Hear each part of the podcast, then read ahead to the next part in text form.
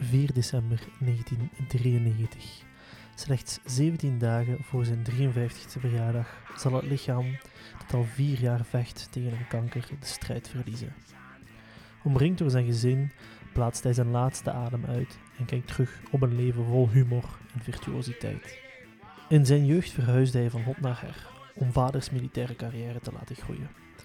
Hij zocht soelaas in de blues en de experimentele symfonieën van zijn idool Varese.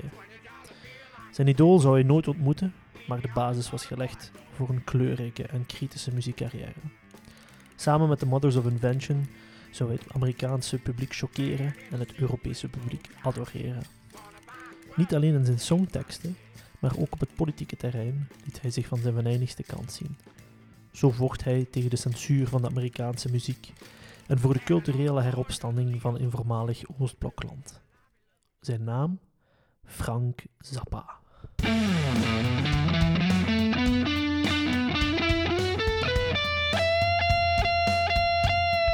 Liever snel naar de hel met Seppe en Sander. Welkom bij de nieuwste aflevering van Liever snel naar de hel. Nog steeds uw favoriete podcast, want je bent nog altijd naar ons aan het luisteren. Met ook nog steeds niemand minder dan de enige echte. Seppe. En Sander. Valasse. En ehm, ja, we, eh, we hebben het nog altijd over midlife crisis, mensen. Ja. In Wanneer begint seizoen. dat eigenlijk, de midlife, Sander? Ja, eh, we hebben het mooi gedefinieerd vanaf eh, 50. Vanaf dat je de, de grens van 50 hebt bereikt. Hiervoor hebben we nog nooit iemand besproken die dat al ouder was dan 50 jaar. Ja. Dus daar maken we nu dankbaar gebruik van om, om eens wat die 50-plussers ook eens een keer aan de, aan de tand te voelen. Of aan de snor, want bij deze gaan we iets dieper induiken in het leven van de enige echte, onvervalste Frank Zappa. Ja, inderdaad. En zoals bij elke aflevering beginnen we bij het begin, namelijk de geboorte. Iedereen Dus- wordt geboren. Ja, en ook Frank. Frank Vincent Zappa. Hè, dus dat is eigenlijk geen artiestennaam. Die wordt geboren als Frank Zappa. Hè. Ja. Eh, wordt geboren op 21 december. Dat is volgens mij ook de dag van de lelijke kinderen. De dag van de lelijke Of de kinderen. onnozele kinderen. Ja. we- Ik dat- weet het niet zeker. Da of 28 december. Maar Onnozel was hij niet. Over schoonheid kun je misschien iets anders. hij eh, had wel een, een, een erotische moustache. een, eh, eh, vind ik een hele mooie omschrijving. Een, Ja. Echt een pornosnor. Ja. Maar hij wordt dus geboren in de, in de Verenigde Staten van, van twee ouders van Italiaanse afkomst, Ja. vandaar ook Zappa. Ehm, ja, hij gaat zowat overal wonen. Eh, als kind verhuist hij van de ene plaats naar de andere. Zijn vader werkt in het leger en doet daar ja, als experimenten op, laten we zeggen, chemische oorlogsproducten. Chemische, in de chemische oorlogsfabriek werd Ja, eigenlijk. voilà. Waar dat onder andere eh mosterdgas ook opgeslagen werd. Ja, ja. Allegedly, natuurlijk allemaal, Ja. hè? Zo gezegd zijn. Ehm, maar allee, er wordt gezegd dat daar ook voor zorgt dat Frank Zappa als kind vaak ziek is. Ja. En ja, ja, Frank Zappa, 1940 wordt hij geboren. Als jong kind, ge, laten we zeggen, de medicatie van die tijd was nog niet echt wat het moest zijn. Eh, we- Je moet denken, we zitten net na Hiroshima, Nagasaki. Die zo, oh wauw, radioactiviteit, cool, wat is dat allemaal? Dus als er iets gebeurde, kon het wel zijn dat je zo wat, was dat radion of radiumtabletten ergens ingestoken kreeg. Ja. Dus hij kreeg dat ook. En hij was van Italiaanse afkomst, dus ook daar, hè, grootmoederswijze. Hij kreeg blijkbaar ook als kind, als hij last had van zijn oren, warme olijfolie in zijn oren. Ehm allee, dus ze hebben hem onbewust goed tussengepakt als, als jong kind. Ja, Eigenlijk, ja, hij kreeg letterlijk olijfolie in zijn oren en radiumtabletten in zijn neus. Ja, voilà. Eh, eh, en dat is misschien ook een reden waarom dat Frank Zappa geworden is zoals hij is. Hè. Ja, en waarom dat hij ook redelijk veel neuskeel- en oorproblemen had. En ze wisten maar niet wat dat de oorzaak Nee. daarvan was. voilà, dus allee, eh, die jong die moet eh, heel veel verhuizen. Die, eh, die zit geen, geen, geen twee jaar op dezelfde plaats. Betekent natuurlijk ook dat hij op school nooit echt connectie maakt. Hij is een, altijd een beetje het buitenbeentje. Dat zo wat ja, verveeld is. En dan gaat je natuurlijk al snel richting de muziek om, om, u, om u te ontwikkelen. Hè. Ja. Voor, voor Frank begon dat eigenlijk met, met de blues. Hè? Ja. De rhythm and blues. Ehm, hij, hij zegt ook in latere interviews van ja, kijk, ik, ik was toen op dat moment niet muzikaal geschoold. Dus ja, ik vond de blues goed, maar voor mij was het allemaal een beetje noedelen. hè. Mhm. En ik kon niet zeggen of er goede noedels waren of slechte noedels, want ik had die kennis niet. Later, als je daar terug op kijkt, kun je dat natuurlijk wel zeggen. Ehm, maar ja, dus die blues, hij komt dan eigenlijk in aanraking met, oké, ja, de rhythm and blues, oké, cool, dat is, ja, dat is de, de, de- ook de muziek van de zwarte, hè? Dus, Mhm. dus daar komt hij dan mee in aanraking. Maar een andere, eh, ja, artiest gaat hem ook nog wel prikkelen. En dat is, dat is eigenlijk de, de- hetgene wat, wat, wat die twee artiesten, of die twee stijlen, die samenkomen, maken Frank Zappa ook. Dat is Ja. aan de ene kant de rhythm and blues, eh, en aan de andere kant heb je Verace. Ja. Zeg ik het goed zo? Ja. Edgar Ver- Varese. Ah, Verace, ja. Ja. Vera- Verace, Verace, Verace. Ja, of Varijs. Verijs. Ja. Verijs, Ed- Edgar zo- Varijs. Edgar Het is, het is een Amerikaans-Franse avant, avant-garde componist. avant-garde. Ja, avant-garde. Edgar Varijs of Edgar Varese. Ja, Zoals ze zo in het Amerikaans zouden Edgar zeggen. Verijs. Ja. Dat klinkt zoals een, de slager. Ja, Ik ga Maar eens de- twee pint halen bij Verijs. bij Parijs. Met een Edgar. maar, maar dat is inderdaad een, een eh, avant-garde com- componist. Eh, een beetje wat, wordt zo wat binnen de school van het klassiek modernisme ook wel wat bekeken. Die daar heel veel bezig is met die experimentele klanken. En dat gaat effectief wel een, een hele grote indruk op, op Frank Zappa nalaten. Ja. En dat gaat hem meteen ook definiëren in die zin dat Frank gaat zich echt doorheen zijn hele leven meer gaan leiden tot geluiden, eerder dan melodieën. En dat gaat je eigenlijk altijd wel terugkomen. Dat hij altijd zo wel denkt van, ah, dat is eigenlijk een tof geluid, ah, daar kunnen we nog wel iets mee doen. Oh, dat, dat, dat, gaan, we, dat gaan we hier, er hier wat tussen flansen. Ja, inderdaad. En, en hij zal dat later ook in zijn, in zijn eh, gitaarsolo's Ja, beschrijven als eigenlijk sound palaces. ja, ja, Dus, voilà. Ja, het, het geluidspaleis. Want hij, hij stond daar ook voor bekend dat hij zo solos van 10, 20 minuten aan een Ja, stuk kon doen. ja.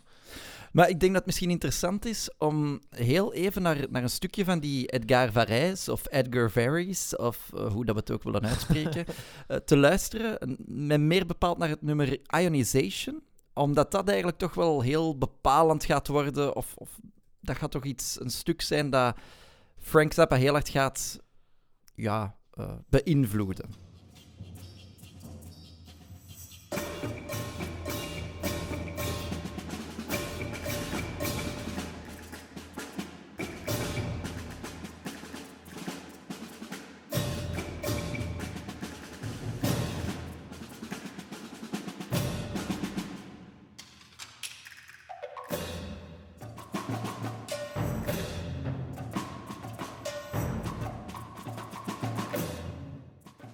Edgar Varese of Edgar Varese, afhankelijk of dat je nu een Amerikaan bent of een, Frans, een Fransoos. Hè.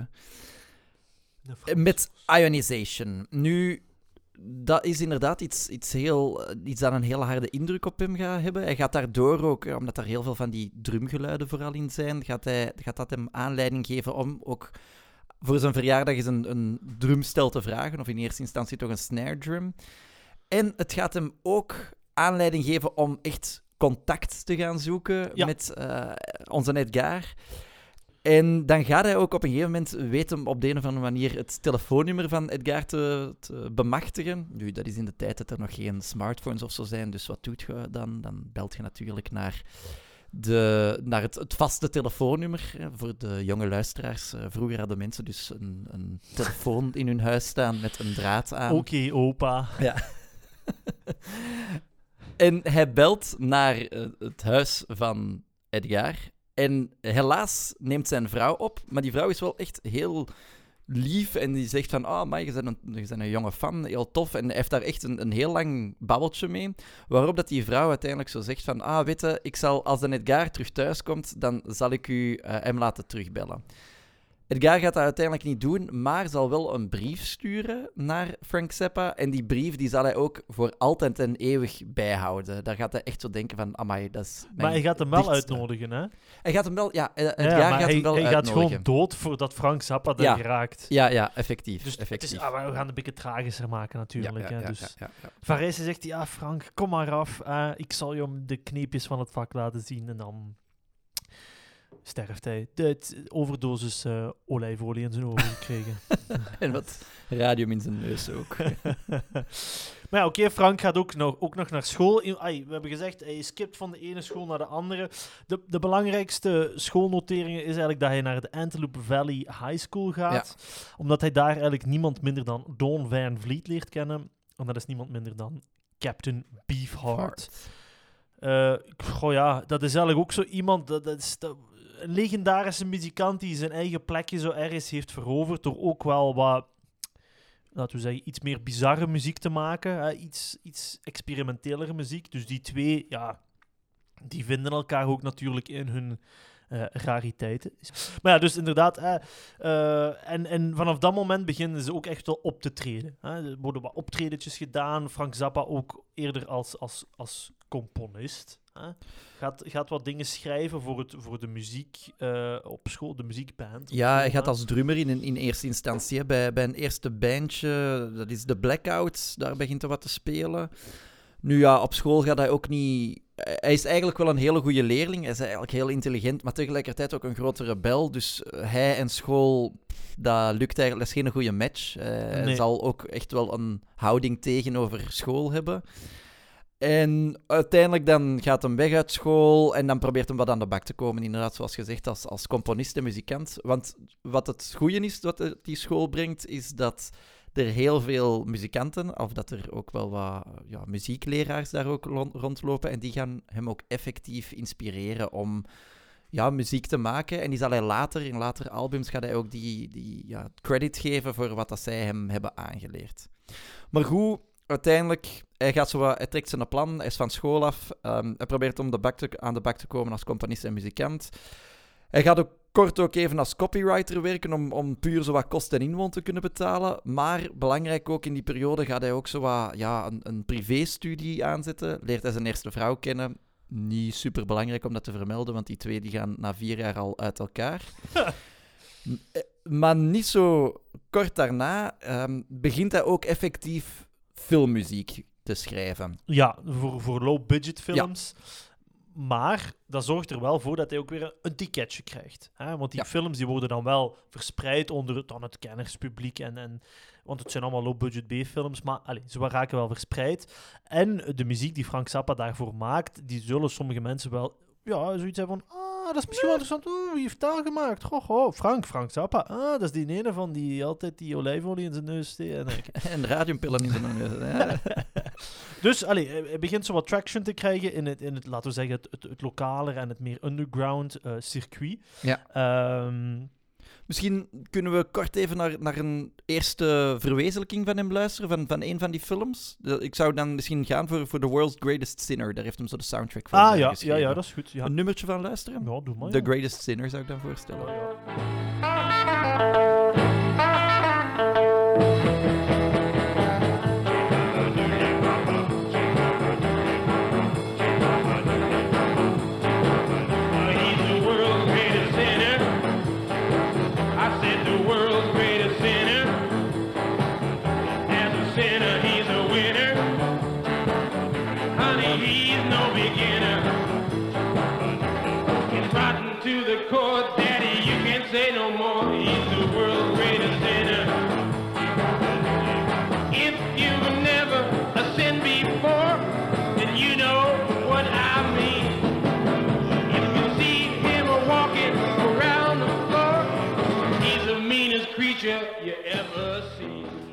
Voilà, The World's Greatest Sinner. Daar hoort je nog echt wel, laten we zeggen, een meer brave Ja. Zappa. Ja, ja. Met echt zware blues-invloeden.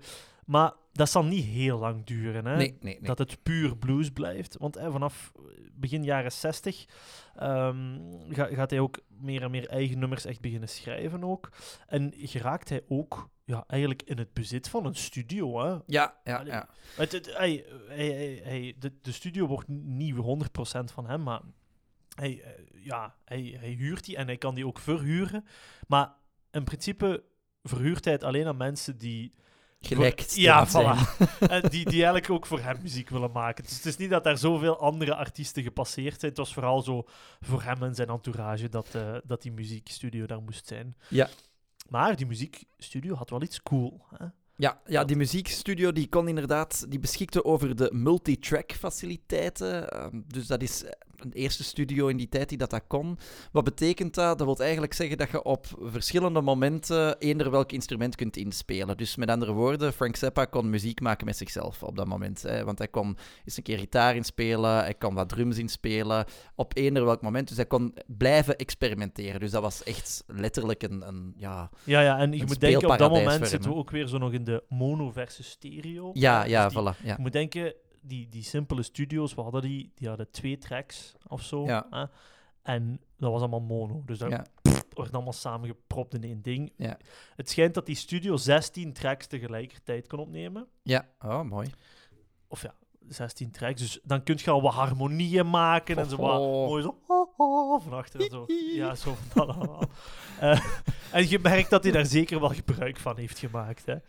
Zeker. Nu, hij, raakt daardoor ook wel bekend echt om die experimentele stijl, omdat hij zo heel veel van die verschillende geluidjes gewoon wat gaat doen. Maar ja, op een gegeven moment dan gaan ze hem ook zo wat beschrijven als zo wat de, de, de filmking of eh Cucamonga in een of ander eh, regionaal artikel. Waardoor dat de lokale politie denkt van, hmm, rare naam. Hmm, Frank Zappa. Rare naam. Die, ook een rare naam. Hm, die bezit een eigen studio, Studio Z. Hm, vreemd. Waarop dat de politie tot de enige conclusie kan komen, en dat is uiteraard, Frank Zappa maakt pornofilms. Ja. Dat is, dat is wat de politie op dat moment ke- denkt. En ze zeggen, dat is illegaal, we gaan Frank Zappa op heterdaad betrappen. Yep. Zo gezegd, zo gedaan. Dus ze sturen ook effectief een undercover agent naar de studio van Frank Zappa met de vraag of dat Zappa voor hem een soort van ja, sekstape wilt maken, in die zin van erotische geluiden die dat op tape worden gezet. Ja, ja, het was voor een vrijgezellenfeest. Voor een vrijgezellenfeestje, inderdaad. En hij geeft die iets van een 100 dollar in die tijd. Was dat natuurlijk heel veel geld. Dus Frank zegt van, oké, goed, ik zal dat even doen. Hij pakt daar een vriendin van hem bij. Die, eh, ja, die, die maken daar wat vreemde geluiden. Een collage van eh, bizarre collage. geluiden. En uiteindelijk, op het moment dat, dat dat klaar is en ze geven het aan de undercover-agent, eh, staat de politie daar klaar, springen uit de bosjes en zeggen: Haha, Frank, nu hebben we je. Ja. En je moet denken, op dat moment in de Verenigde Staten is dat een felony charge. Wat Ja. betekent, ehm, ja, dat is het gevangen. Ja, hij Ja? werd officieel beschuldigd van samenzwering om pornografie te plegen. Ja, inderdaad. Dat kan onmogelijk, hè. Porno in de Verenigde Staten. eh, onmogelijk. De, dit is niet, niet te Die geloven. doen dat helemaal niet, hè? Nee, nee, nee, nee, nee. En vandaag de dag is dat zeker niet Zeker de draaischijf van de pornografie. Nee. Maar eh, dat is een ander verhaal. Frank Zappa, eh, felony, eh, dreigt de gevangenis in te gaan. Gelukkig worden ja, de aanklachten verminderd. En, en zou het dan eigenlijk gaan, in, in de Verenigde Staten heet dat dan een misdemeanor, hè? een Ja. slippertje. Ja. Ehm, Wat ook wel mooi is om in die porno-context te brengen. kijk, voor de minder intelligente luisteraars, ik ga het mopje nu uitleggen. een slippertje is ook vreemd gaan. Eh, dus eh, ja, er, komt, er zit een korte gevangenentijd aan. Ja. Maar hij, hij gaat wel het cachot in. Hè? Ja, en dat is toch heel belangrijk, omdat dat daardoor... Ja, gaat er toch een bepaalde houding staan tegenover autoritaire systemen, eh, die, die hele bureaucratie, daar gaat er echt een, een soort een hele, hele harde afkeer Ja, van ja, ja. En, en ook het idee van censuur. Ja, eh, ja, ja, waar dat hij ja. later nog zeer hard tegen gaat ingaan. Ehm, ja, is iets waar, waar, waar daar zeker wel zijn voedingsbodem van heeft. Want je moet denken, als je dat nu even vandaag de dag bedenkt, die man die is naar zijn studio gegaan, die heeft liggen hijgen in een microfoon. Die, had daar praktisch gezien door in de cel kunnen vliegen. Hè. Dat is het, hè. Ja. Oei, ik, eh, ik durf al niet meer te ademen in, in deze microfoon nu. Voilà, Maar- dus d- daarom doen wij onze podcast ook in het Nederlands, Ja. omdat wij in de Verenigde Staten in de bak zouden vliegen. Ja, ja, ja, meteen, echt meteen. Met ons sensueel geheim. Maar hij komt vrij. En hij gaat dan meteen aan de slag met een nieuw muzikaal project. Hij denkt van, oké, ik ben nu mijn studio kwijt. Hij is die effectief kwijt. ja, ja, want maar, eh, ah ja, dat is misschien nog wel belangrijk. Ja. Ehm, de politie neemt praktisch alles in beslag. ja, ja, ja, ja, ja. Dus eh, Frank Zappa die komt terug in die studio, daar staat niks meer van zijn opnamemateriaal. Het is allemaal weg. Ik kan gelukkig nog een paar dingen eh, terugkrijgen, maar hij gaat de studio moeten sluiten omdat hij eigenlijk de huur niet meer kan betalen. Slechts 30 van de 80 uur had ik eh, gevonden. Amai. Wordt, eh, ik ga dat terugvinden. Of terugkrijgen. Maar oké, goed. Frank Zappa blijft niet bij de pakken zitten. Hij gaat dan zijn eigen band sta- ja, starten, wil ik zeggen. Maar eigenlijk klopt dat niet echt, want eigenlijk bestaan die al. Hè? Ja. Dus dat is een band, de Soul Giants. Die zoeken een nieuwe gitarist. Die zien van, hey, Frank Zappa is vrij. Letterlijk, want hij komt uit de gevangenis. En die zeggen van, ho, Frank, wilde jij niet met ons spelen? Frank zegt van, goh, jongens, natuurlijk wil ik met jullie spelen. Die begint daar zo een paar noten te doen en denkt dan van, ik kan dat hier wel wat beter maken. Laten we ineens een andere naam ervan maken. Voilà. Maar stel u voor dat jij op dat moment de leadman bent van die band. en je zegt, oh, we zoeken naar een gitarist. Je zegt, oh ja, Frank, die kan wel goed gitaar spelen. En die komt daar binnen en dan zegt hij, dit is mijn band nu, jongens. Dankjewel voor jullie verdiensten. en het, het grappige is, vind ik, die mensen die hadden allemaal zoiets van, ja, is goed. Ja, is waar. Voilà, die band die gaat dan uiteindelijk The Mothers worden genoemd. Is eigenlijk slang voor The Motherfuckers. Ja. En eh, grappig, die naamswisseling gebeurt ook op Moederdag. ja, het schijnt. Ja. Ja. Dat is de, de legende wilt dat. Hè? En, en Mother, dat zou ook verwijzen naar eigenlijk keigoede muzikanten. Hè? Dat is Ja. een, een Mother. Ehm, en Frank Zappa zei daar zelf over, eigenlijk hadden we onszelf toen niet zo mogen noemen, want we waren eigenlijk helemaal niet zo'n goede muzikanten op dat moment. En vandaar ook dat het Mothers of Invention ook geworden Ja, ja. is. Ik had ook gelezen dat het uiteindelijk Mothers of Invention is geworden, omdat het ook ge- geïnterpreteerd werd als ja, de motherfuckers. Ja, ja. Waardoor dat eigenlijk een eerste platenbaas zou zeggen van... Ha, jongens, mm, we zitten hier eh, in, eh, ja, in, in, het, in het strenge Amerika. Ik denk dat we beter iets anders van maken. Mothers of Invention. Voilà. Maar ze gaan daar wel een eerste hit mee schrijven. Allee, hit, ja, een, een- misschien... een album, hè? Ja, een, een eerste album en dan... Ja, hit mogen we het misschien nog niet noemen, maar een iets bekender nummer is Trouble Every Day. Spelen we dat in één keer af? Oh, we gaan dat in één keer afspelen, hè? Trouble Every Day van Frank Zappa met de Mothers of Invention.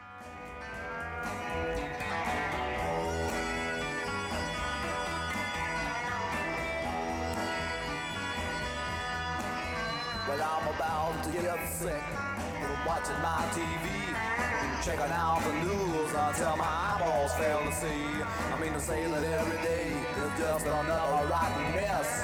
And when it's gonna change, my friend, is anybody's guess. So I'm watching and I'm waiting, the Troubles Every Day. Dat is eh, een, toch wel een, een belangrijk nummer voor The Mothers, of, The Mothers of Invention en Frank Zappa. En daarmee worden de, de klinkers gelegd, zoals uh, Seven het af en toe ook wel eens een keer mooi zegt. Voor ja, de, de meer kritische noten die, Ja, dat, ja. die dat Frank Zappa ook in zijn muziek aanhaalt. Hij gaat heel satirisch in zijn nummers zijn en vooral heel veel kritiek geven op hoe dat de, op de hypocrisie Ja. heel vaak, die dat, de, die dat de Amerikaanse maatschappij in zich houdt. En Ja. dat nummer gaat dan specifiek over de Watts riots. Je moet dat een klein beetje, of je kunt het misschien een klein beetje vergelijken met wat dat wij nog niet zo lang geleden hebben meegemaakt met, met George Floyd. Eh, ook toen, in die tijd, was er ook al zo een gelijkaardig incident. Ehm, waarbij dat er dan ook ja, een, een zwarte man hardhandig is aangepakt door een politieagent. Met alles dat er eigenlijk daarna ook eh, ja, in, in vuur en vlam letterlijk is eh, komen te staan. Ja, inderdaad. En, en met Frank Zappa en de Mothers of Invention wordt, wordt ook het asfalt gegoten eigenlijk voor eh, ja, de, de comedy rock. Hè. Zij, zij zijn eigenlijk letterlijk het onkruid aan het wieden voor eigenlijk een nieuwe muziekstijl. hè. Om zo de zaadjes te... Nee, oké, ik zal stoppen. Ehm, maar ja, dus die, die comedy rock, want je moet denken, Frank Zappa en, en, en de of Invention, oké, ze gaan in, in 66 en 67 ook met een nieuw album hè, optreden in Los Angeles. En ja, die shows, dat zijn meer ervaringen ook. Ja, ja, Ah, ja. ja, ja. Je moet, daar, daar, gebeurt van alles. Hè? En, en Frank Zappa zegt dat ook van, ofwel gebeurde er iets theatraal en dan pff, werd er een keer eens iets in het publiek gegooid, eh, of, eh, ofwel gebeurde dat muzikaal. En Ja. ene keer, eh, en dan zijn ze eigenlijk, hè, dan begint de New York-periode ook. Dat is Mhm. misschien wel belangrijk. Hè? Ze gaan eigenlijk na Los Angeles, omdat ze een beetje het gehad hebben met de Mhm. hippies, gaan ze richting New York, omdat ze daar ook het multiculturele aspect Mhm. vinden, gaan ze in New York, omdat het daar heel warm is, met ijs naar de mensen gooien. Nu, het probleem is dat de ijs niet snel genoeg smolt. dus, dus die mensen hebben gewoon allemaal keihard met ijs teruggegooid. Ik dacht echt dat je zo... Eerst bedoelde zo ijsjes als in, als in ijsjes om Nee, nee, te eten. blokken ijs. Gewoon echt blokken ijs. ja, Oh, eh, dat kan hard aankomen. Dus eh, eh, ze, ze, ze gaan daar ook in New York, omdat ze heel hard voelen van, kijk, er zijn meer etniciteiten hier in New York, er is meer cultuur. De, eh, de verschillende blokken in New York hebben zelfs andere cultuur. Dus zij, zij voelden zich daar ook veel meer thuis. Hè? En, en Ja. ze, ze, ze, ze, ah, ze hadden een beetje een afkeer tegenover die hippie-cultuur, wat voor hun een beetje te conformistisch zelfs begon te worden. Ja, ja, ja. ja. En die shows in New York, die moeten dan echt legendarisch zijn geweest, waar dat ze... Ja, dat waren geen grote venues, maar altijd was dat vol. En altijd kwamen er mensen kijken naar wat, wat gaan ze deze keer doen. Ja, Ehm, qua comedy, qua, qua lachen, maar niet te, niet, te, ah niet te misverstaan. Er was ook nog wel iets muzikaal. ja, ja, ja, ja, zeker. Eh, zeker. Oké, de Mothers of Inventions, dat waren muzikanten. Ik weet niet hoe briljant ze waren, maar Mhm. Frank Zappa is een gigantisch goede gitarist. Hè. Ja, ja, ja, ja, ja. Dus rond die periode leert hij ook zijn vrouw kennen. Dat is Adelaide Gale Slootman. Die worden heel snel verliefd. Die gaan later ook vier kinderen hebben, waar, eh, waaronder Moon Zappa, Dweezil Zappa, Ahmed Zappa en Diva Zappa. Allemaal speciale namen vanuit ook de redenering dat Frank Zappa gewoon ook meer van die vrijdenkende namen wou hebben. In die mate zelfs dat Dweezil Zappa is genoemd naar de eh, kleine teen van zijn vrouw. Dus, dus Dweezeltje. Eh, Wauw, lekker gezellig. Prachtig eigenlijk, hè. Maar zoals gezegd, eigenlijk rond die periode, de, de Mothers of Invention maken nog, nog, nog ja, eh, drie albums in totaal. En naar het einde toe gaat Frank Zappa ook meer en meer beginnen experimenteren, gaat dat ook meer moeilijker maken in zekere zin. En merkt hij dat het publiek niet meer kan volgen met wat dat hij, allemaal aan het doen is. En voelt hij zich ook wat meer en meer beknot door de Mothers of Invention. Ja, nu misschien even nog heel kort over die periode. Ja. Het voorbeeld van eigenlijk het, het feit dat Frank Zappa met de band zowel comedy is als ook maatschappijkritisch en ook kritiek ten opzichte van heel die hippiebeweging is in de albumhoes van We're Only In It For The Money. Hè? Dus je hebt de titel aan, We're Only In It For Money, dat is zo... Ja, Oké, dat is een beetje dubbel. Maar die albumhoes is een directe parodie op de Sgt. Pepper's Lonely Hearts ja, ja, ja inderdaad. eh, cover. ja, dus dat is eigenlijk zo... Ja, daar staan echt heel veel rare mensen op. Dus zo, je hebt dan eigenlijk de Beatles met hun album waar dat zo heel hippie, peace and love is. En dan Frank Zappa waar dat dan zo... Weet je, zo een, eh, een foto is van de Bondavond op de Giro. Weet je? Du- Dus op die manier brengen ze ook zo hun subtiele... ehm, ja, eigenlijk... eh, Ja, kritiek, ook, na- een parodie, die- denk ja, ik ook. Ja, hè? ja, ja. want je moet denken, op dat moment, Beatles is echt popmuziek. Hè? Ja, ja, ja. En, en ze zijn super groot op dat moment natuurlijk ook. Hè. Ja, voilà. Nu, hoewel dat het humorgehalte bij The Mothers of Invention wel hoog genoeg ligt, ligt het muzikaal niveau voor Frank Zappa misschien niet altijd hoog genoeg. In die zin dat hij, ja, Frank Zappa is iemand die daar altijd maar blijft experimenteren en ook op optredens gaat hij eigenlijk ja, steeds meer van die bizarre geluiden gebruiken en merkt hij dat zowel zijn publiek als zijn bandgenoten niet meer helemaal mee zijn met wat dat hij probeert te fabriceren. Hij gaat dan in eerste instantie zeggen van oké, dat is niet erg, ik ga zelf een soloalbum proberen te maken. Ja, dat soloalbum dat is eigenlijk wel het begin van het einde, want niet veel later zal, zullen de Mothers of Invention dan ook ontbinden. Is dat omdat, zelf wordt er altijd gezegd van ja, was dat omwille van financiële redenen? Goh, was dat om, omdat Frank Zappa ook wel een beetje een, een heel autocratisch en perfectionistisch kantje had? Van, hij had een heel duidelijke richting waar hij naartoe wou, wou gaan en de Mothers konden eigenlijk niet meer volgen. We laten het in het midden. In ieder geval, ze gaan uit elkaar. En dat geeft dan aan Frank Zappa vrij spel om dan zijn eerste, denk ik, bekendere soloalbum te maken. En dat is Hot Rats. Dat is een van zijn meest geprezen albums.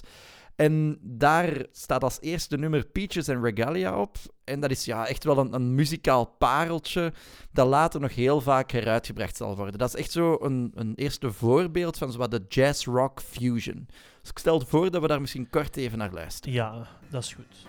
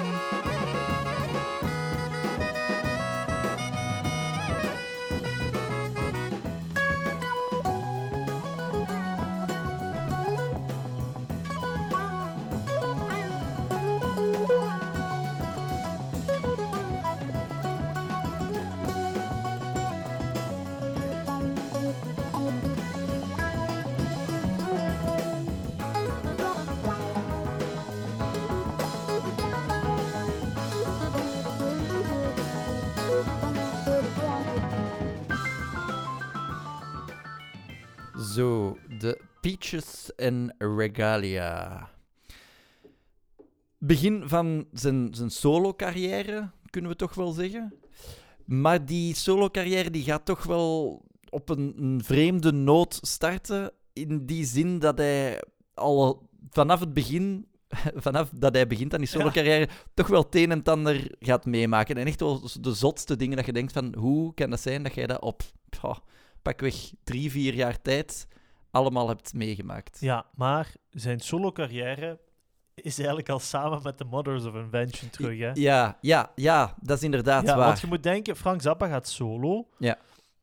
En dan denkt hij, ik heb een band nodig. Fuck. En dan denk ik, maar hey, ik ken een band.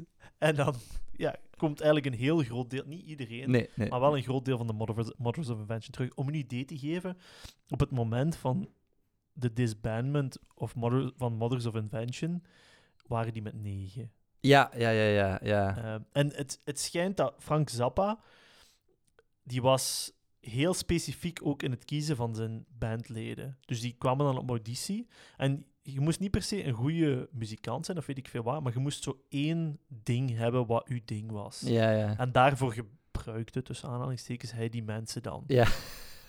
Dus dat was, ja, en hij, zei, en hij zat daar ook altijd op. Dus die mensen die waren zo voor hun ding gekozen. I feel so used. maar maar ook, ook heel positief. hè. Ze krijgen er ook heel posi- Ja, positief. zeker. Want Steve Vai, heel bekende gitarist ook, heeft met Frank Zappa gespeeld. Is een beetje zo de, de understudy van Frank, Frank Zappa, Zappa. geweest. ja. ja, en dat is ook, ja, Frank Zappa, we zullen het er later ook nog wat over hebben, maar hij, hij, hij is ook echt een dirigent op dat vlak. hè. Hij weet heel goed van, dat kunnen muzikanten doen, dat zijn instrumenten. En hij, hij weet ook heel goed die te coachen of die te triggeren om iets... Allee, maar hij coachen is misschien ja, niet ja, juist want hij moet wel echt een verschrikkelijk mens zijn geweest Ja. in de studio, want ja, je moet denken, op sommige momenten waren er dan 16 instrumenten tegelijkertijd aan het spelen. Sommige stonden luider, sommige minder luid. En hij kon de minste noot die vals was horen en dan even stop zeggen en opnieuw. Ja. Dus het was wel eh, afzien met Frankie. Ja, zeker. Nu ja, Frank heeft op dat moment, ziet hij zelf ook wel wat af in zijn leven. Het begint eigenlijk, een, een eerste incident dat we krijgen, is al in, in 1968. hè, Dus dat is juist als hij begint aan zijn solo-carrière, waarop dat iemand belt aan de deur, zich voorstelt als Raven en zegt van, hallo Frank, ik ga u neerschieten. waarop dat Frank denkt van, oh fuck, eh, dat is niet goed. Nu, Frank pakt dat op een hele slimme manier aan, want hij zegt van, goh jongen, ik denk dat jij het niet zo gemakkelijk hebt. Laten we een wandelingetje maken. En hij gaat effectief een wandelingetje maken met de persoon die dat hem ja, bedreigt, waarop dat ze stoppen aan een meer en Frank tot het idee komt van, kijk, we gaan onszelf reinigen van onze zonden en we gaan het geweer dat jij hier nu vast hebt, dat gaan we hier gewoon wegsmijten. En dat gebeurt ook effectief. Dat heeft, dat heeft geholpen. Ja, daarna waren er toch een aantal mensen die zeiden van... "Hm, Frank, misschien, misschien zou je toch beter even de politie daarover inlichten. En Frank zei van, nee, ik ga dat niet doen, want dan, gaan die, dan gaat hij uiteindelijk in de gevangenis belanden. En uiteindelijk verdient hij dat ook niet. Die Nee. is gewoon op het verkeerde moment, verkeerde plaats. Je zit niet goed in zijn vel. We gaan dat niet doen. Voilà. En hij Heel heeft in het cachot gezeten. Hè, En dus, hij heeft in het cachot gezeten. Maar daar stopt het natuurlijk niet Nee. bij. Hè? Eh, Frank, eh, ja, dat is wel nog een hele belangrijke dat we niet hebben gezegd. Frank Zappa is veel bekender in Europa dan in de Verenigde Staten. ja, ja, ja. Ah. ja. Dus in Europa wordt hij zo ont- onthaald als wauw. En in de Verenigde Staten is van Wauw. oeh, mm, dat is toch een beetje, ik ben een beetje preuts hier, dat vind ik moeilijk. Hè? Ja. Te veel seks. Te veel seks. Eh, en in Europa heb je iets van, ja, trek die broek maar af. Allee, huppakee, in die blote gat. Oké. Bier en tieten! ja, voilà. Eh, en ik ga daar... maar ja, eh, ze, moet, ze gaan optreden in Montreux. Dat is ook nog zo de meest preutse plek van Europa. en eh, ja, daar vindt een, een Fender niks anders op dan eigenlijk met een, een flare gun. Dat is eigenlijk zo ja, voor noodsignalen op zee. Ja. Ja, voilà, noodsignaal op zee te sturen. Ja. Om dat in, in, ja, in de venue af te schieten. En natuurlijk schiet dat venue in de fik. En door die brand, ja, rook zakt. Ja. En die rook daalt neer over het meer van Montreux. Ja. En er is een andere band daar op het moment. Die zien dat. En die maken daar een liedje over. Smoke on the Water is geboren. God, ja, dat is gewoon Frank Zappa met zijn malle fratsen die daar even... Frank Zappa and the Mothers. En Some Stupid with a Flare Gun. Maar je, je kunt het niet verzinnen, hè? Nee, nee, nee, inderdaad. Allee, ik, ik zeg u, Netflix, als je hier ooit een film over kunt maken, doe het, hè? Gewoon Some Stupid with a Flare Gun.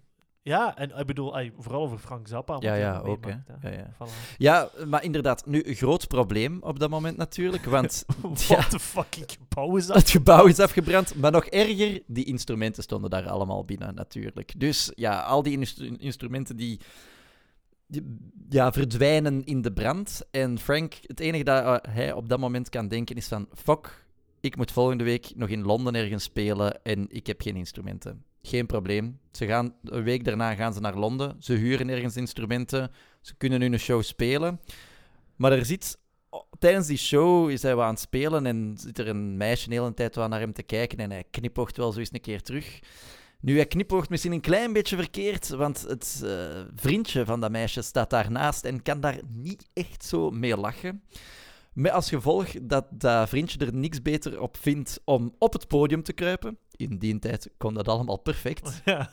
Kruipt op het podium en die begint gewoon Frank Zappa neer te slaan en slaat hij letterlijk van het podium. Nu, dat zijn podia die dat toch ook wel een bepaalde hoogte hebben. Frank die valt daar naar beneden en zal ook echt wel serieuze breuken oplopen. ja, ja, ja. En hij zal zelfs in de rolstoel ja, terechtkomen. ja. Eh, en een heel rare impact die dit zal hebben op zijn carrière. Zijn stembanden, ja, die zijn ook beschadigd. En daardoor kan hij eigenlijk vrij laag alleen nog maar zingen. Hij kan eigenlijk niet meer hoog zingen. Ja. Ehm, nu, Frank Zappa denkt, oh my god, nee, mijn carrière is voorbij. Nee, helemaal niet. Hij maakt er gewoon een liedje Ja. over. Zeker hoor. Hij maakt, er, hij maakt er zelfs verschillende liedjes Ja, ja, over. ja, ja, ja. Hey, we- het gaat enerzijds over het feit dat hij ja, wat mank loopt en een beetje een korter been heeft. Ja, En het ene nummer is Zombie Wolf, dat hem erover schrijft. Ja. Het andere is Dancing Fool. ja, en de Dancing Fool gaat dan specifiek over zijn chronische rugpijn. Ah, zullen we even naar Dancing Fool luisteren? Ja, dat is goed. I got no natural rhythm, but I go dancing every night, hoping one day I might get it right. I'm a dancing fool. Dancing fool. I'm a dancing fool. Dancing fool. I hear that beat, I jump out of my seat, but I can't I'm a dancing fool. Eh, Dancing Fool staat op Shake Your Booty. Met een mooie knipoog naar natuurlijk het, het zinnetje Shake Your Booty. eh, maar dan, hij is dan wel verkleed, verkleed als een shake. eh, dus eh, grappig. En daar staat ook nog een... Of Shake Your Booty gaat uiteindelijk ook nog wel bekend staan om heel wat andere eh, nummers. Vooral om het feit dat hij daar veel meer controversiëlere teksten gaat doen. Hij gaat in een van de teksten gaat hij, ja, gaat het wat aan de stok krijgen met de, met de Joodse gemeenschap, omwille Ja. van een nummer als The Jewish Princess. Maar ook met zowel elke conservatieve Amerikaan door het nummer Bobby Br- Brown Goes Down.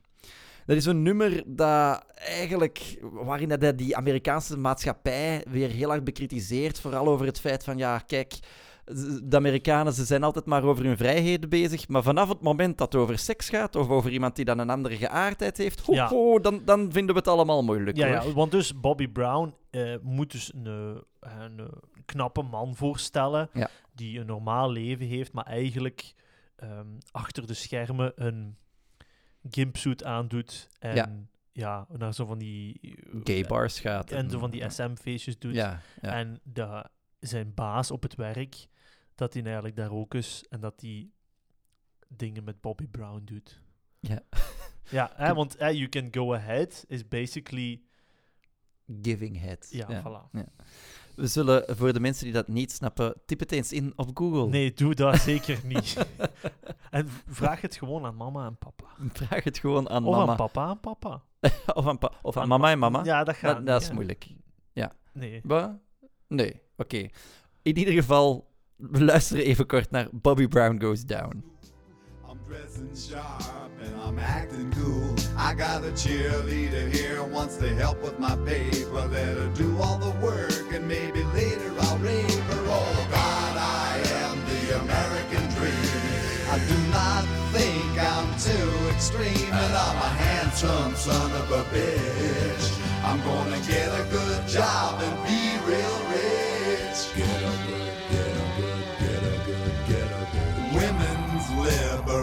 liberation came creeping all across the nation. I tell you people, I was not ready when I fucked this dice. Zo, een controversieel nummer, Bobby Brown. Vooral in de Verenigde Staten, waar dat het ook echt wordt geweerd, hè, wordt daar niet afgespeeld. In Europa, grote hit. Ja. Fantastisch nummer. Oh, Heeft dat er natuurlijk-. Heeft er natuurlijk gedeeltelijk ook wel mee te maken. Je zit met een veel diverser publiek, zeker qua taal. Dus ik denk dat er gewoon ook heel veel Europeanen totaal niet snapten waar dat het Nee, nummer over inderdaad. ging. En Want- dat dachten van, oh, leuk ritme. Ja, maar inderdaad, want muzikaal klinkt het ook echt goed, hè? Ja, mu- muzikaal is het echt heel tof. Maar ja, Frank Zappa maakt daardoor ook wel zo meer en meer zijn, zijn naam. Hij, wordt een beetje wat een, een symbool van, van de porn rock, zoals ze het dan wel in conservatieve kringen eh, zeggen binnen de Amerikaanse cultuur. En we hebben het in een vorige aflevering er ook al wel over gehad, in de aflevering met Prince. Ja, dat dat wel echt een probleem is. Dus er, er, er- bij Prince is er ook een nummer waar, waar dat zo wat gaat over seks. En ene Tipper Gore vindt dat toch echt wel niet kunnen en gaat een comitéetje oprichten waarin dat ze zeggen van kijk, ho, we moeten als ouders er ons to- toch even verenigen en onze kinderen ja, gaan eh, beschermen voor dit soort muziek. Daar zal dan uiteindelijk zelfs een hele ja, eh, hearing rondkomen. Ja. En Frank Zappa wordt uitgenodigd als een van de Beschermers, Beschermers van, het, van- het, het recht tegen censuur eigenlijk op Ja. muziek. Hè? Ja. En, en hij zal daar ook wel een zeer professioneel eh betoog, houden, hè. ja. Het- het- hij- daar zal hij niet zoveel mopjes doen. En eh, hij, hij zal echt wel het betoog tegen de censuur houden. Hetgene wat eigenlijk een, een opbouwing is geweest van heel zijn verleden. Hè? Allee, ja, ja, ja. met zijn sekstapes, met het feit dat hij, hij cont- controversiële muziek maakt die niet altijd gepubliceerd wordt. En nu eh, zegt hij van, kijk jongens, hè, we kunnen muziek niet censureren, dat, dat kan gewoon niet. Hè. Mhm. Ehm, eh, eh, om de een of andere reden hè, zal het er hem ook in slagen om als enigste artiest ooit zo'n parental adv- advisory, explicit content te krijgen op een instrumentaal album. en eh, dat, dat is gewoon zoiets Frank Zappa. Dat hem dat lukt. Ik, allee, ja, hem dat lukt. Dat is echt gewoon puur het feit van... Hij besluit effectief om daarna een, een instrumentaal album te maken. En ik denk dat die mensen zo kwaad op hem waren. Allee, kwaad. Ja, zo van gechoqueerd en gedegoûteerd waren over wat hij daar allemaal beweerde en zei. eh, Dat die dachten van... En uw volgende album krijgt sowieso een label. Eh, Waarop dat Frank ook iets had van... Ja, ik, ik zeg daar niks op. ik maak daar niet eens één vunzig geluid op. Dus ja, toch, toch Ja, wel grappig. ja, maar heel die zaak gaat hem later ook nog een beetje in zijn gat bijten. Hè? Ja, ja, ja, ja. Ja. Want eh, het We, is zitten misschien... nu, we zitten nu eh, eh, jaren, 86, ja, ja, jaren 87. 80, midden 80. Want ja, het is, die, die zaak is misschien een soort van voorbode over de, ja, laten we zeggen, de, de meer politieke carrière. Of, of toch het, het politiek-activistische kantje van Frank Zappa, dat op dat moment wel meer en meer naar boven komt. Ja, ja allee, do- doorheen de jaren 80, zeker eind jaren 80. Je moet denken, Frank Zappa, die is dan al meer dan 20 jaar muziek aan het spelen. Gaat, gaat ook zijn, zijn interesse om live op te treden minder groot worden. Dus die, die live optredens, dat wordt minder en minder. Zijn gezondheid gaat er ook wel wat op achteruit. En dat, ja, dat politieke militantisme, dat gaat naar boven. Hè. Dat begint met die parental advisory. Maar dat gaat in 1990 echt ja, zich materialiseren in Mhm. Frank Zappa als een soort van culturele spokesperson voor Ja. Tsjechoslowakije of Tsjechië. Hè. Ja. Dus we zitten eigenlijk eind jaren 80, begin jaren 90. Communisme is gevallen. Ehm, die landen die zijn volledig geïmplodeerd, dus die hebben eigenlijk geen geld en die hebben eigenlijk nood aan ja, westerlingen die hun komen bezoeken voor toerisme, weet ik veel wat. Ehm, en die hebben geld nodig om een land terug op te bouwen. Dus Frank Zappa, je moet die beelden trouwens zien, die komt Ja. zo binnen met zo Ja. een gigantische Russische muts, hè, à la Frank Zappa. Maar hij legt wel, eh, zelfs voor het Westen, echt contact met de eerste minister van Tsjechië. En eh, ja, Frank Zappa eh, praat met hem. En die eerste minister van Tsjechië is eigenlijk bereid om een soort van afgevaardigde voor, ja, ik wou zeggen sport en cultuur, maar voor, ja, voor cultuur en, en toerisme te maken om eigenlijk zo dan via eh, Frank Zappa zijn netwerk Verenigde Ja. Staten invloed binnen te krijgen. Ja. Nu, op dat moment is er politiek ook een minister van Buitenlandse Zaken Mhm. die daar lucht van krijgt. En ja, Tsjechië op dat moment is natuurlijk ook met de Verenigde Staten aan, het- aan het onderhandelen. En basically, die zegt van, kijk, ofwel doet Tsjechië zaken met Frank Zappa, ofwel doet Tsjechië eh, zaken met de Verenigde Staten. Ja. Maar niet allebei.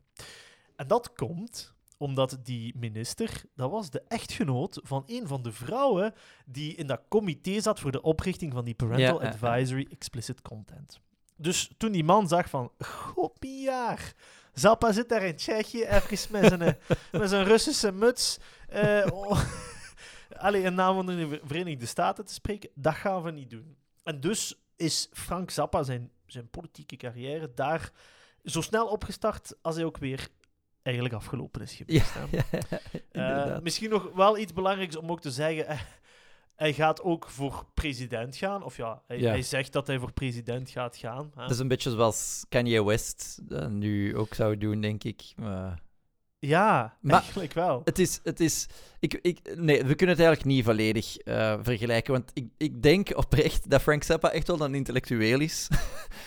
Van Kanye West zou ik dat niet meteen durven zeggen. Ja. Het is zelfs in die mate... Want we zeggen van Frank Zappa wou voor, voor ja, president gaan... Maar ik denk dat hij zelfs vooruitgeschoven werd door een bepaalde partij, door zowat de, ja, de derde partij die dat je daar hebt in de Verenigde Staten. hè, De, de- Independence is de dat. hè? Independents. Hè. En Frank Zappa zei van, ja, ik kan me niet echt vereenzelvigen met een bepaalde partij. Hij zei van, mensen denken dat ik een democraat ben, maar soms dan denk ik dat ik eerder een praktiserend conservatief ben. En dan zit ik bij de Independents, heb ik wel sympathie voor. Dus hij past daar ook gewoon wel wat voor. Nu, Ja. We zitten dan in de jaren negentig. Ja. Die, die, die gezondheid gaat achteruit. En er wordt eigenlijk ook bij hem eh, ja, terminale prostaatkanker vastgesteld. Ja. Ehm, nu, hij ondervindt daar denk ik niet zoveel, allee, laten we zeggen, invloed van op korte termijn. Dus wat gaat Frank Zappa doen? Die heeft volgens mij zoiets van: oké, ik heb hier een terminale kanker. Ik ga al de muziek die ik heb digitaliseren. Ja. Dus Frank Zappa heeft ongeveer vier kelders vol met materiaal, maar echt de kleinste scheet dat die man heeft gelaten, heeft hij opgepakt.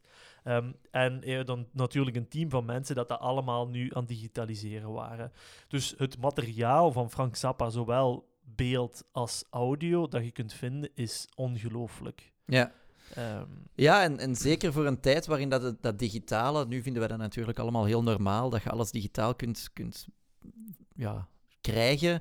Op dat moment was dat helemaal nog niet zo vanzelfsprekend. En hij gaat eigenlijk zelfs al in die zin dat hij daarover nadenkt van, oh ja, we zijn nu altijd zo platen aan het maken. En hij zegt op dat moment al van, ja, maar ja, zouden we niet beter een soort van digitaal systeem hebben, waarbij dat je nummers eigenlijk per nummer gewoon kunt doorgeven aan iemand anders. Hij sprak in eind jaren 80, begin jaren 90 sprak hij al over wat dat Spotify ja, vandaag is. Dus alleen om maar te zeggen dat hij ook echt wel ja, een beetje visionair was op dat vlak. en, en dat is, hè, we zijn nu richting het einde van Frank Zappa aan het gaan. Er is iets wat Frank Zappa ook uniek maakt in zijn ja, passage in Liever snel naar de helle, Sander.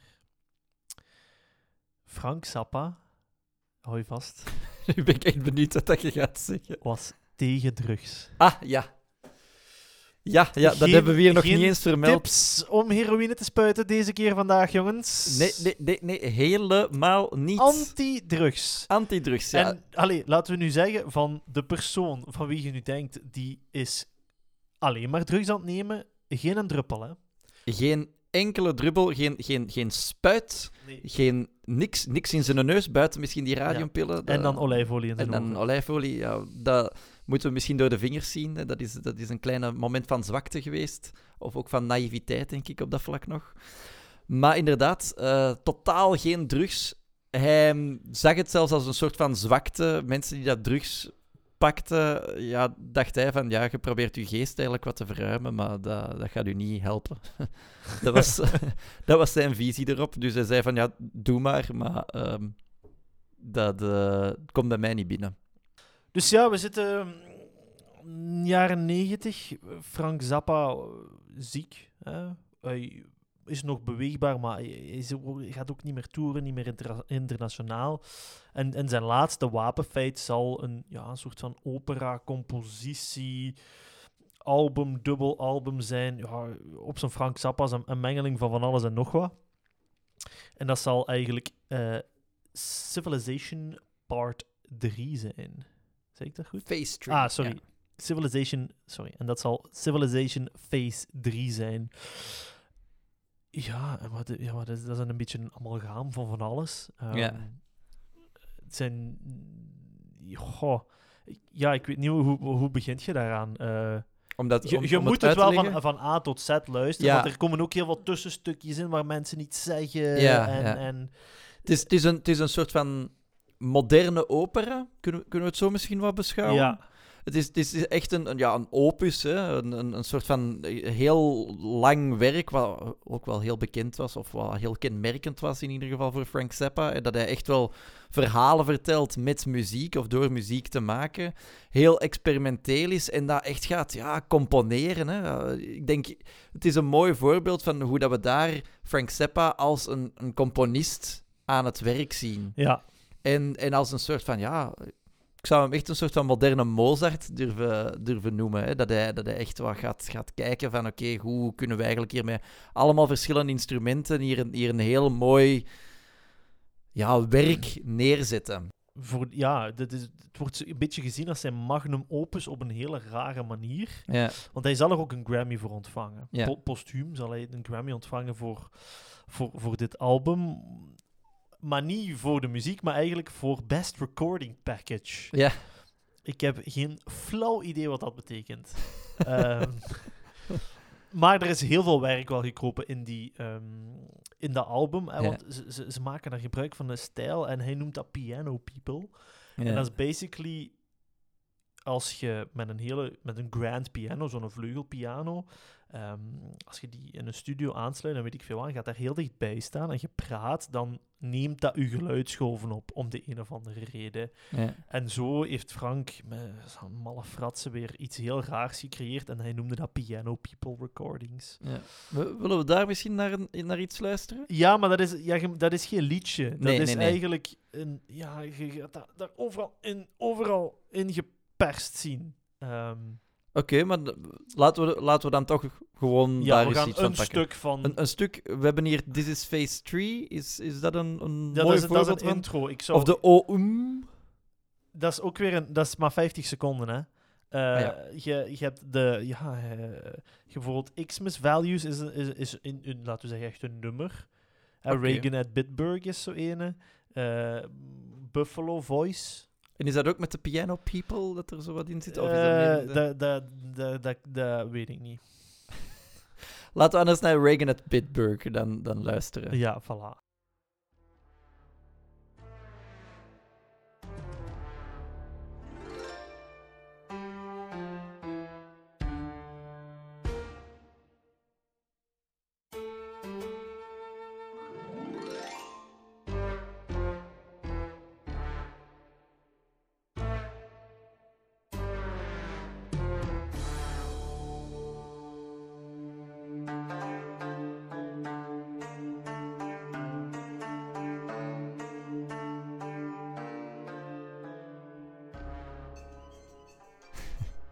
Ja, ik, ik vind als je daar naar luistert, je hebt zo het gevoel dat je in een of andere Tom en Jerry scène aan het rondwandelen bent. Ja, dat is eigenlijk op, echt. hè. op sommige momenten.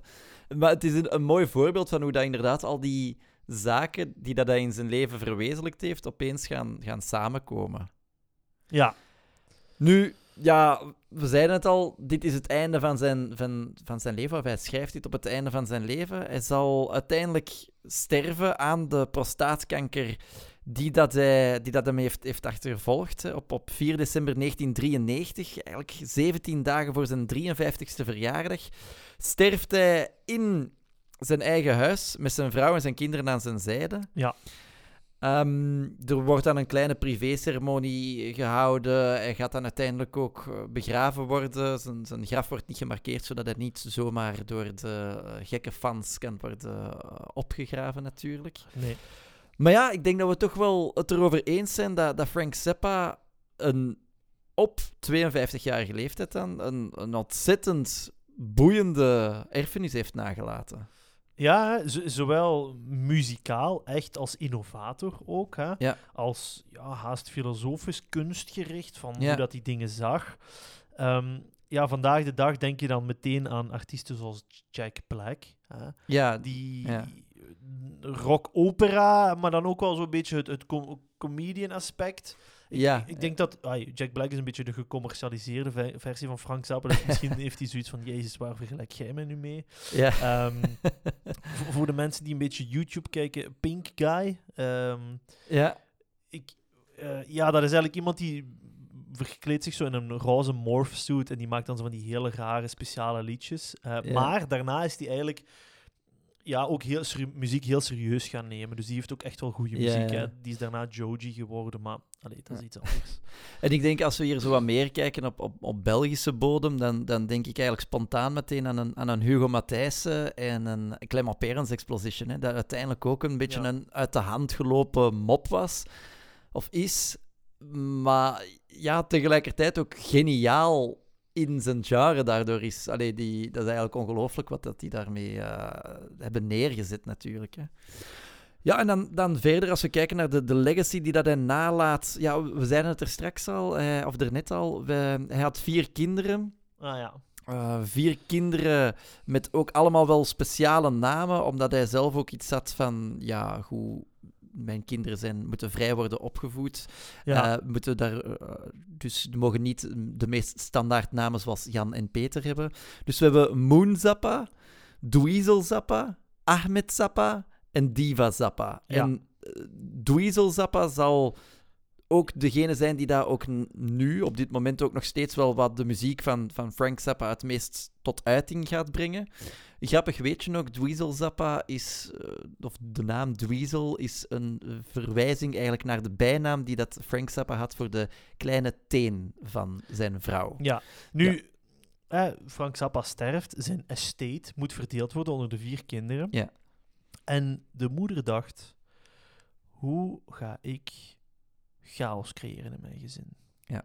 En ze heeft dat eigenlijk op een zeer efficiënte manier gedaan. Ze heeft gezegd, oké, twee kinderen krijgen 30% van zijn estate. De andere twee kinderen krijgen ieder 20%. Ja. Topplan. Ehm, dus, wat kreeg je? Ehm, ja, dus de kinderen die maar 20% van de estate van Zappa hadden, moesten dan eigenlijk aan toestemming aan de andere twee gaan vragen om bepaalde dingen van Frank Zappa te gebruiken, zoals namen en voor merchandise en weet ik veel. wat. Maar Dweezil Zappa, ja, eert zijn vader misschien nog het meest van iedereen, want hij speelt ook het repertoire van Zappa, et cetera. En op een gegeven moment zou hij Zappa gespeeld hebben en een cease and desist eh, hebben gekregen van zijn, ja, van zijn broers of zussen, waarin staat van, je mocht dat nummer niet spelen. Ja. En je mocht dat niet gebruiken. Dus hij speelde met de band Zappa Plays Zappa. Mocht allemaal niet meer. Dus was het nu eh Dweezil Plays Frank. ehm, and whatever the fuck he wants to. Omdat hij zoiets had van, weet je jongens, eh, kus mijn kloten. eh. en, en stiekem denk ik wel dat Frank zoiets had van, I'm proud of you, son. Ja, ik denk het inderdaad ook.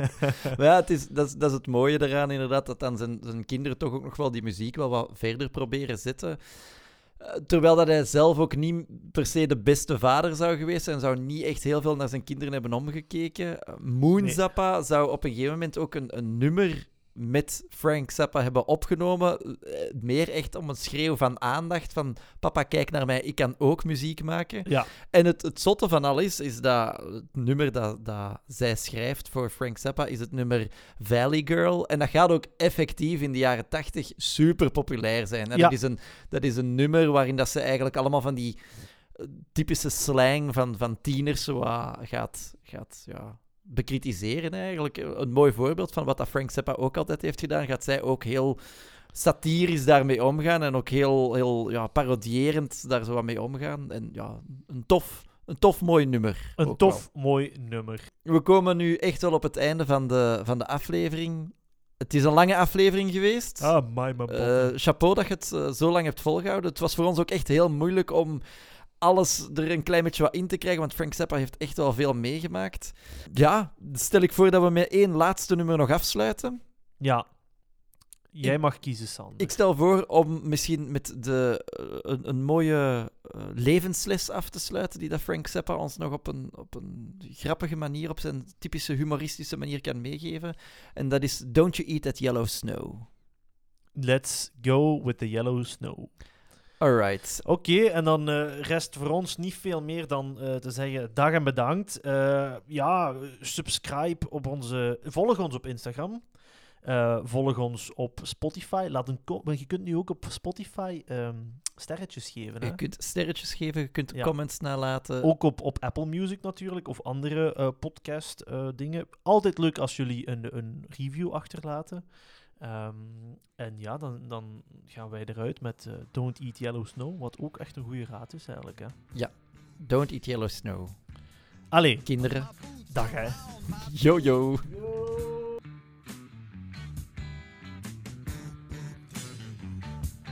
Frost that bit the ground below.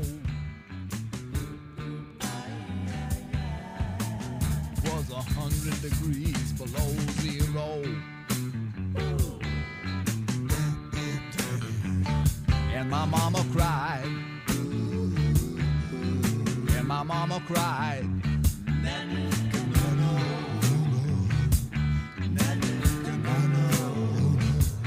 Don't be a naughty Eskimo. Save your money, don't go to the show.